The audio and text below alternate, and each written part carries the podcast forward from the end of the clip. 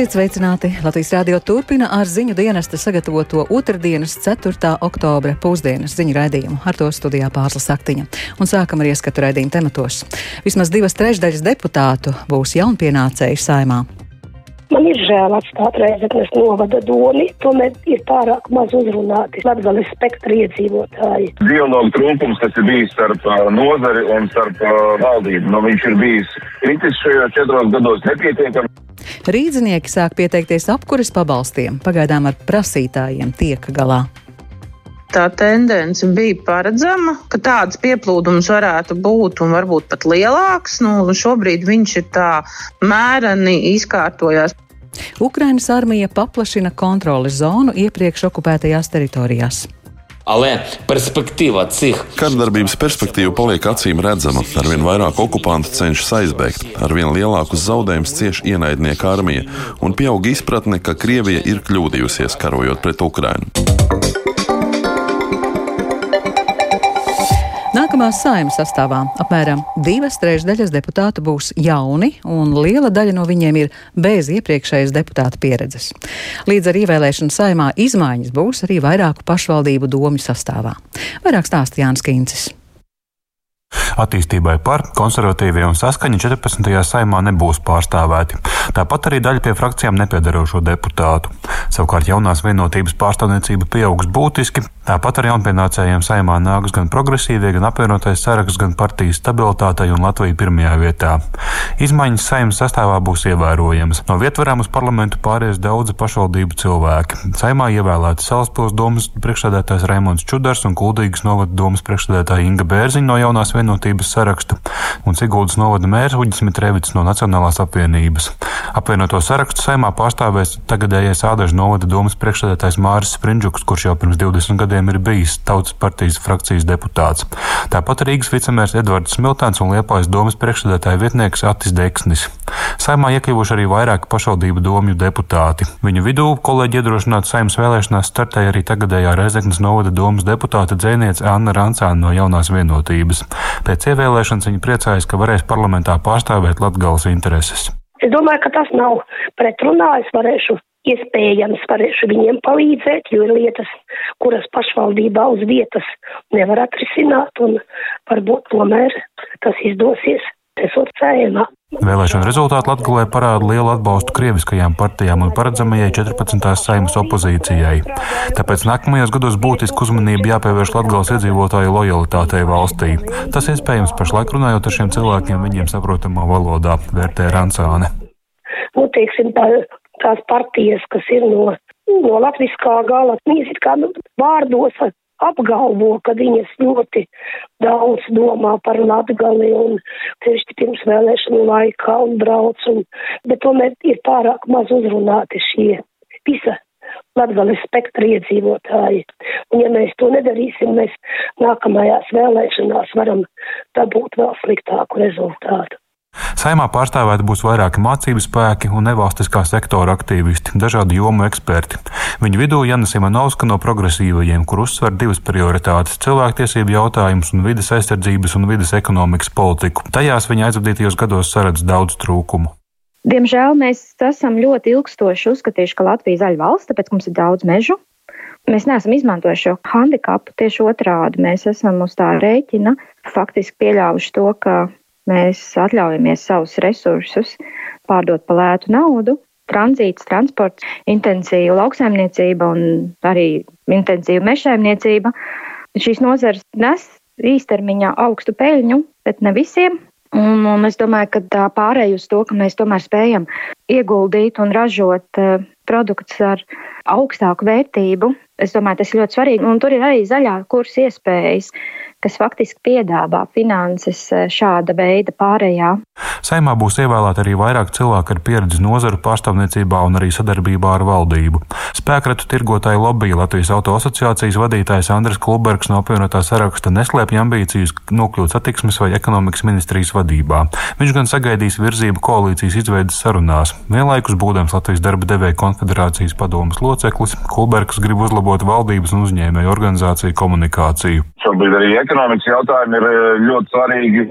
esmu pieejams kā speciālists ar savām kvalifikācijām visā ziņā, arī kā krīzes vadītājs. Tas būtiskākais, ko es gribu pienest, vienalga kā tas uh, šobrīd izvēršās, ir tieši šis dialogu trūkums, kas ir bijis starp uh, nozari un starp valdību. Nu, viņš ir bijis kritis šajos četros gados nepietiekams un ļoti daudz atbildes jau kā es pats zinu, ir jau gatavs nozarē un uh, ņem un dara. Es noteikti uzlabošu šo dialogu vienalga kādā no formām. Valsts prezidents Egils Levits ir atzīts, ka 14. saimas sastāvs būs kopumā kvalitatīvāks par tagadējo sasaukumu. Vienlaikus pašlaik vēl jāņem vērā, ka daļa saimā ievēlēto mandātu noliks, kļūstot par ministriem. Jānis Kincis, Latvijas Radio. Apkuras sezonā valsts iestādes, kā arī citi uzņēmumi plāno taupīt, tostarp daļa cer ieviest attālināto darbu. Likums paredz, ka darba devējiem tādā gadījumā jākompensē strādājošajiem 30 eiro mēnesī. Latvijas darba devēja konfederācijas ieskatā naudas summa būtu jāpalielina. Un par to visplašāk Lindas Pundiņas ierakstā. Attālinātais darbs, pārciešot pandēmijas ierobežojumus, daļai strādājošo kļuvusi par normu.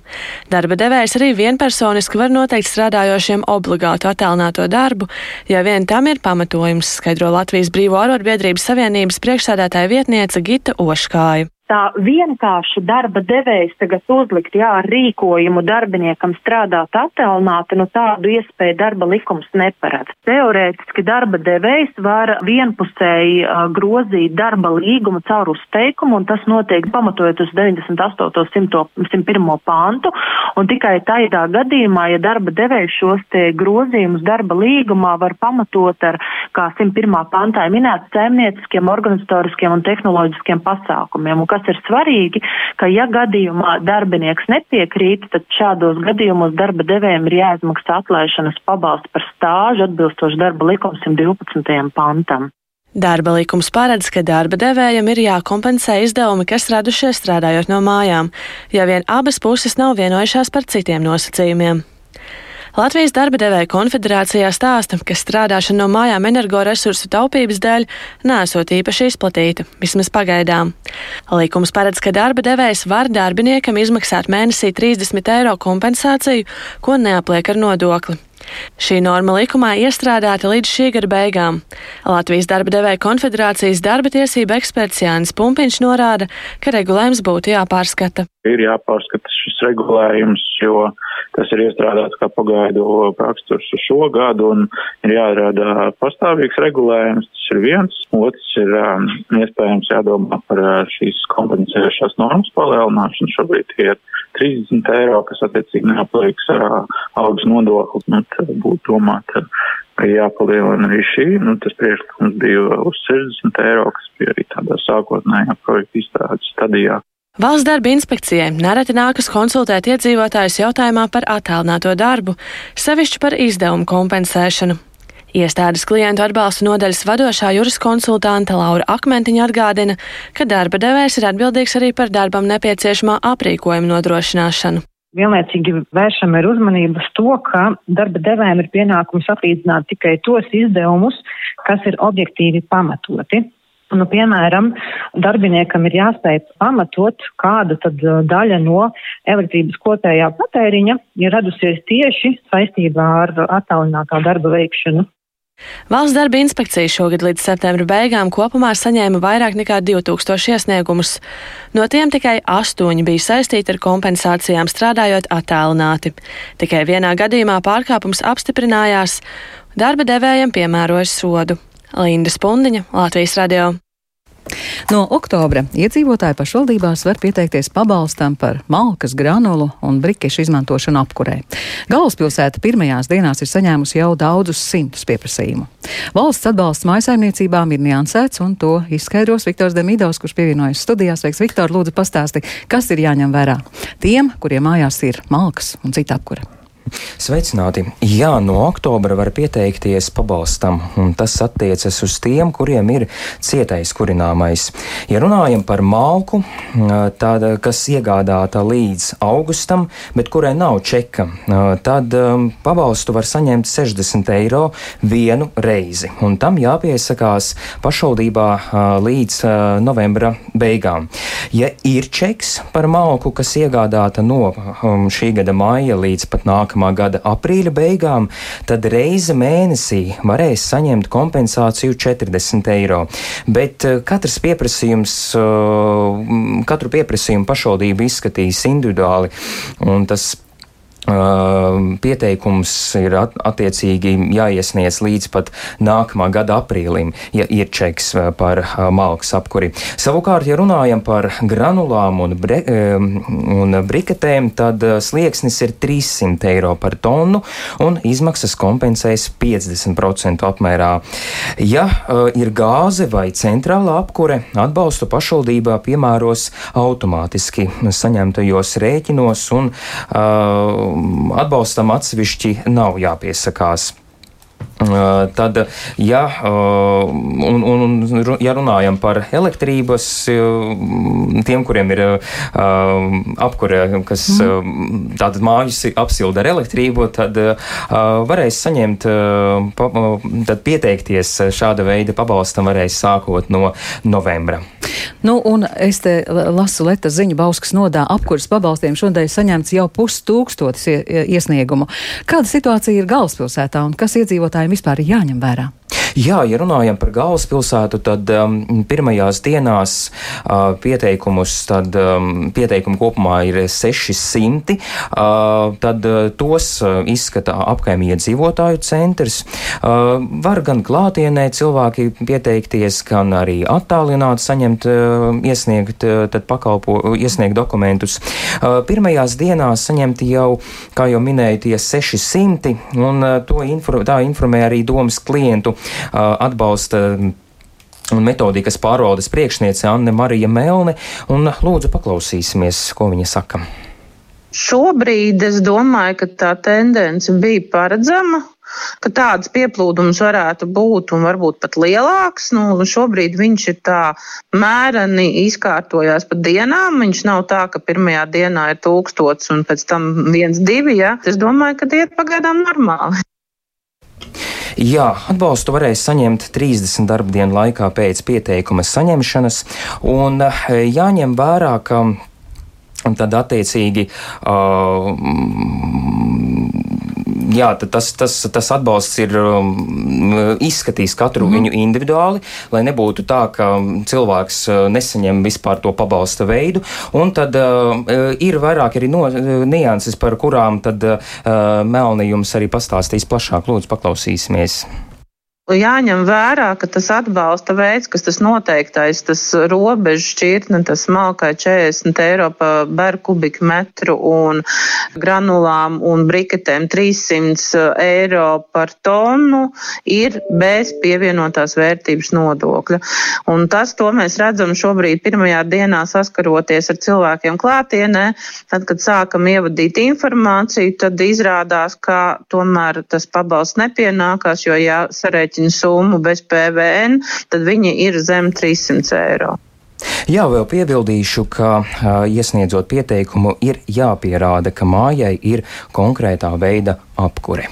Paldies! Viktors Demidovs stāstīja par interesi, iedzīvotāju interesi un iespējām saņemt apkures pabalstu. Par notikumiem citur pasaulē nāvējošu Krievijas raķešu uzbrukumu piedzīvojusi Ukrainas otra lielākā pilsēta Harkiva. Tikmēr Ukrainas aizstāvji atbrīvo arvien jaunas apdzīvotās vietas iepriekš okupētajās teritorijās, bet nopēlumu izpelnījies miljardiera Īlona Maska ierosinājums Ukrainai atteikties no okupētajām valsts daļām, lai izbeigtu Krievijas uzsākto karu. Vairāk par aktualitātēm kara 223. dienā stāsta Lūdzu Česberis. Vismaz viens cilvēks nogalināts aizvadītajā naktī notikušajos Krievijas raķešu uzbrukumos Harkivai. Pilsētas mērs Ihors Terehovs informējis, ka triecieni bijuši mērķēti par rūpniecības un infrastruktūras objektiem. Pēc uzbrukumiem vairāki Harkivas rajoni palikuši bez elektrības. Tikmēr valsts austrumos un dienvidos Ukrainas bruņoties spēki turpina īstenot pretuzbrukuma operācijas, kas ir vainagojušās ar vēl vairāku apdzīvoto vietu atbrīvošanu no okupantiem. To ir paziņojis Ukrainas prezidents Volodimirs Zelenskis. Viņš piebilda, ka visā frontes garumā turpinās smagas cīņas. Але перспектива цих бойових дій залишається очевидною. Все більше окупантів намагаються втекти. Taču šīs kardarbības perspektīva paliek acīm redzama. Arvien vairāk okupantu cenšas aizbēgt, arvien lielākus zaudējumus cieš ienaidnieka armija un pieaug izpratne, ka Krievija ir kļūdījusies karojot pret Ukrainu. Protams, ir daudz fanātiķu, tie, kuri nekad neatzīs acīm redzamo, ka Krievija ir uzsākusi bezjēdzīgu karu, kuru tā nevar uzvarēt, jo nav iespējams uzvarēt tautu, kas saglabā vienotību un zina, par ko cīnās. Iznaja, za što vojuje. ASV Domnīcas kara izpētes institūts analītiķi raksta, ka pēdējās dienās Ukrainas karaspēks ir paplašinājis kontroles zonu ap atbrīvoto Limanas pilsētu Donetskas apgabalā un pietuvojies okupētajām Kreminas un Svatoves pilsētām Luhanskas apgabalā. Ukrainas armija teritoriālos panākumus gūstot arī Hersonas apgabala ziemeļos. Turklāt analītiķi īpaši izceļ to, ka šajos rajonos Ukraiņiem pretojas vienības, kas iepriekš tika uzskatītas par vienām no labākajām Krievijas armijā. Ukrainas armijas panākumus frontē uzteikusi arī par starptautiskās drošības jautājumiem atbildīgā ASV aizsardzības sekretāra vietniece Celesta Valandere. Viņa sacīja, ka Ukrainai ir labas izredzes līdz ziemai sasniegt vairākus galvenos militāros mērķus un nostiprināt savas pozīcijas karā pret Krieviju. Taču tas lielā mērā būs atkarīgs no turpmākajām rietumvalstu ieroču piegādēm Ukrainai. ASV drīzumā nosūtīs Ukrainai vēl četras augstas precizitātes raķešu sistēmas Haimars, kas līdz šim ir apliecinājušas savu efektivitāti karā pret Krieviju. Par to atsaucoties uz augsta ranga ASV amatpersonu vēsta ziņu aģentūra Reuters. Raķešu sistēmas būs daļa no 625 miljonu dolāru vērtas militārās palīdzības paketes, ko ASV valdība gatavojas izsludināt šodien. Pagājušajā nedēļā Vašingtona paziņoja par 1,1 miljārda dolāru vērtu militāro palīdzību Ukrainai, kas ietvēra arī 18 Haimars sistēmas. Plašu kritiku ir izpelnījusies miljardiera Ilona Maska sociālajā tīklā Twitter uzsāktā aptauja, kurā viņš saviem sekotājiem jautā, vai Ukrainai būtu jāatsakās no Krimas pussalas un citām uz laiku okupētajām teritorijām, lai izbeigtu karu. Lietuvas prezidents Gitans Nausēda Maskam Twitterī norādīja, ka gadījumā, ja kāds mēģinātu nozagt miljardiera elektroauto Tesla riteņus, tas zagli nepadarītu par automašīnas vai riteņu likumīgo īpašnieku. Bijušais Ukrainas prezidents Petro Porošenko paziņoja, ka Krievijas propaganda ietekmē pat pasaules gaišākos prātus, bet Kremļa opozicionārs Garīs Kasparovs Maska nostāju nodēvēja par morālu idiotismu un Kremļa propagandas tiražēšanu. Savukārt Ukrainas prezidents Zelenskis uz Maska aptauju reaģēja ar humoru un saviem Twitter sekotājiem uzdeva jautājumu, kurš Ilons Masks jums patīk labāk - tas, kurš atbalsta Ukrainu vai tas, kurš atbalsta Krieviju. Kopš iebrukuma Krievija ir nozagusi Ukrainai labību ne mazāk kā 530 miljonu dolāru vērtībā. To savā izmeklēšanā noskaidrojuši žurnālisti no ASV ziņu aģentūras Associated Press. Tās laikā žurnālisti pētīja satelīta attēlus, dokumentus, transponderu datus un ziņojumus sociālajos tīklos. Tādējādi ir izdevies izsekot vairāk nekā 30 kravas kuģus, kas nogādāja graudus no Krievijas okupētajiem Ukrainas apgabaliem uz Turcijas, Sīrijas, Libānas un citu valstu ostām. Uldis Česberis, Latvijas radio.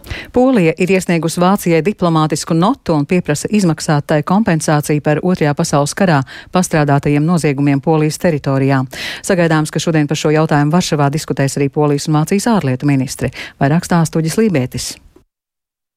Pirms mēneša septembra sākumā Polijas valdošās partijas likums un taisnīgums līderis Jaroslavs Kačinskis iepazīstināja ar īpašu ziņojumu, kurā aprēķināti nacistiskās Vācijas iebrukuma un okupācijas radītie finansiālie zaudējumi Polijai Otrā pasaules kara laikā. Īpaši parlamenta komiteja piecus gadus sadarbojoties ar vairāk nekā 30 ekonomistiem, vēsturniekiem un citiem ekspertiem ir aprēķinājusi, ka šie zaudējumi sasniedz 6,2 triljonus zlotu, jeb 1,32 triljonus eiro. Publiskojot šos datus, Kačinskis norādīja, ka Vācijai formāli tiks pieprasīta šo zaudējumu atmaksa, vien piebilstot, ka šīs sarunas visticamāk būs ilgas un ļoti sarežģītas. Mēnesi vēlāk Polijas ārlietu ministrs Zbigņevs Rau ir parakstījis Berlīnai adresētu diplomātisku notu, kas uzskatāma par reparāciju pieprasījumu nākamo formālo soli. Kā norāda polijas pārstāvi, lai arī komunistiskās polijas vadība pagājušajā gadsimta 50. gados atteicās no pretenzijām pret Vāciju, visticamāk tas ir izdarīts Padomju Savienības spiediena dēļ. Tādēļ nevar uzskatīt, ka Vācija savu vainu par 6 miljonu poļu nogalināšanu būtu izpirkusi. Londonas Universitātes koledžas docente Katažina Zahentere ir pārliecināta, ka Jaroslava Kačīnska izteikumi ļoti viegli rezonē sabiedrībā. Ja runājam par veidu, kā Jaroslavs Kačinskis runā par Vāciju, viņš to faktiski pielīdzina nacistiskajai Vācijai. Viņš liek noprast, ka Polijai ir jāpaceļ sava balss, jo Vācija vēlas pārņemt Eiropas Savienību un tā atkal necienīgi izturs pret Poliju. Šis narratīvs ir ļoti vienkāršs, ļoti saprotams un ļoti bieži atkārtots. Sabiedriskās domas aptaujas liecina, ka 52% polijas iedzīvotāji uzskata, ka Vācija ir parādā Polijai kara reparācijas, taču 30 54,5% ir pārliecināti, ka Polijai šādas kompensācijas vairs nepienāks. Turklāt valdošās partijas likums un taisnīgums vēlētāju vidū šis atbalsts reparāciju pieprasīšanai ir gandrīz simtprocentīgs. Katažina Zehentera norāda, ka iespējams no vienas puses šis nav īstais laiks prasīt šādas reparācijas, jo līdzīgas kompensācijas pašlaik prasa arī Nabībija, un tās Herero tauta par noziegumiem, kas pastrādāti vēl 20. gadsimta sākumā.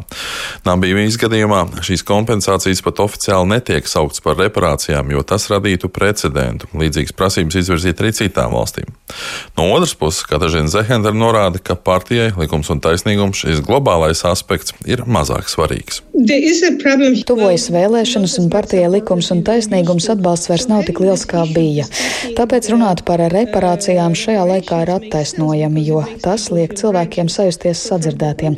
No otras puses, dažādie izaicinājumi, ar kuriem pašlaik saskaras pasauli, nav atrisināmi ar vienas vai divu valstu spēkiem. Ir nepieciešama globāla sadarbība. No šī skatu punkta likuma un taisnīguma politika kaitēs Vācijas un Polijas attiecībām un plašākā kontekstā arī Polijas un Eiropas Savienības attiecībām. Šeit jāpiemina, ka Polijas parlamenta vēlēšanas ir paredzētas nākamā gada rudenī. Kā ir paziņojis Vācija, tā kara reparācija jautājumu uzskata par pilnībā slēgtu. Tas tāpēc, ka pēc kara tā dēvētā austrumu bloka valstīm kompensācijas tika izmaksātas, bet Polijas austrumu teritorijas, kas tika zaudētas pārzīmējot robežas, tika kompensētas ar Vācijas pirmskara teritorijām. Uģis Lībijams, Latvijas radio. Piekrastes zvejnieki Liepājā jau sākuši gatavoties krīzes scenārijam. Pirmo reizi pēc ilgāka laika Liepājas tirzniecības kanālā krastā zvejnieki no kuģiem sākuši tirgot no rīta jūrā nozvejotas zivis. Par to vairāk Inga Sozols reportāžā. Cik tas kilograms? 5 eiro. 5 eiro. 5, jā. Liepājā līst lietus un promenādē pie diviem zvejas kuģiem stāv milzu rindas. Gluži kā pie vēlēšana iecirkņiem aizvadītajā nedēļas nogalē. Rindu izstāvējis Māris. Tiešām ir svaiga, laba zivs. Ko tad nopirkāt šodien, kas maisiņā? Mēnesis. Arī liepainiece Linda stāv rindā, lai tiktu pie svaigām zivīm. Tas ir tas, kā liepājai pietrūkst. Nu, šī ir ostas pilsēta, zvejas pilsēta. Nu, tam vajadzētu tā būt. Kas būs maisiņā šodien? Plekstes. Ideja par zivju tirgošanu kanāla malā virmojusi vienmēr. Savulaik tika uzcelta pat īpaša nojuma zvejniekiem, taču praktiski tomēr tā nav atradusi savu pienesumu, stāsta piekrasts zvejnieks Jānis Freimans. Mums bija nolikts konkrēts laiks, ja mēs tirgojāmies tikai sestdienas rītos, un līdz ar to viņš kaut kā, kaut kā neaizgāja tas projekts. Tā 19. Zvejnieki tomēr ideju par rīta lomu iztirgošanu nav atmetuši, un šobrīd jau to var saukt par tādu kā krīzes risinājumu. Piekrasts zvejnieks Oskars Kadeģis stāsta, kāpēc sācis tirgot zivis tieši no kuģa. Tagad ir celšos ļoti izmaksas visai zvejai. Iepirkuma cenas nemainās, viņas ir pat eh, zemākas nekā bija gada atpakaļ. Cilvēki redz, ka ir tikko zvejnieki ir atgriezušies no jūras ar svaigo lomu. Un... Protams, tas ir izdevīgāk. To atzīst arī piekrastes zvejnieks Jānis Freimanis. Ja iet vēl caur, caur bāzēm un caur uzpircējiem, pārpircējiem, tad jau tas cenu sadārdzinājums ir gala patērētājiem ir nesamērīgi augsts un, un, un, un zvejniekam atkal ir nesamērīgi zems. Un mazās būtības bezmaksas ir šīs no šīs kastes. Piekrastes zvejnieki rudeņos, kad kļūst vējaināks un nepastāvīgāks laiks, izmanto katru mierīgo dienu, lai varētu doties jūrā. Par to, ko var nozvejot pašlaik, stāsta Jānis Freimanis. Tagad ir plekstes, ir vimbas, mēnesis piezvejā, tā kā zīltiņa jūrā ir. Kopumā gan situācija nebūtu nav vienkārši jāmācās pielāgoties, jo seko dažādi aizliegumi. Aizliegumi skar gandrīz visas zivis, izņemot plekstes un grunduļus. Mēncu zvejas aizliegums ir jau četrus gadus, skaidro Oskars Kadeģis. Plaši pilnīgi aizliegts zvejot arī tikai piezojas veidā. Šogad gadu vidū uz ušu aizliedz zvejot arī. Gaidām tagad kompensāciju par degvielu. Liepājā pašlaik aktīvi strādā pieci piekrastes zvejnieki. Kā saka paši zvejnieki, ļoti jāpielāgojas apstākļiem, lai varētu nozvejot nepieciešamo daudzumu zivju, lai brauciens būtu izdevīgs. Ingo Zola, Latvijas radio Kurzemē. Un ar to arī izskan pusdienas ziņu raidījums.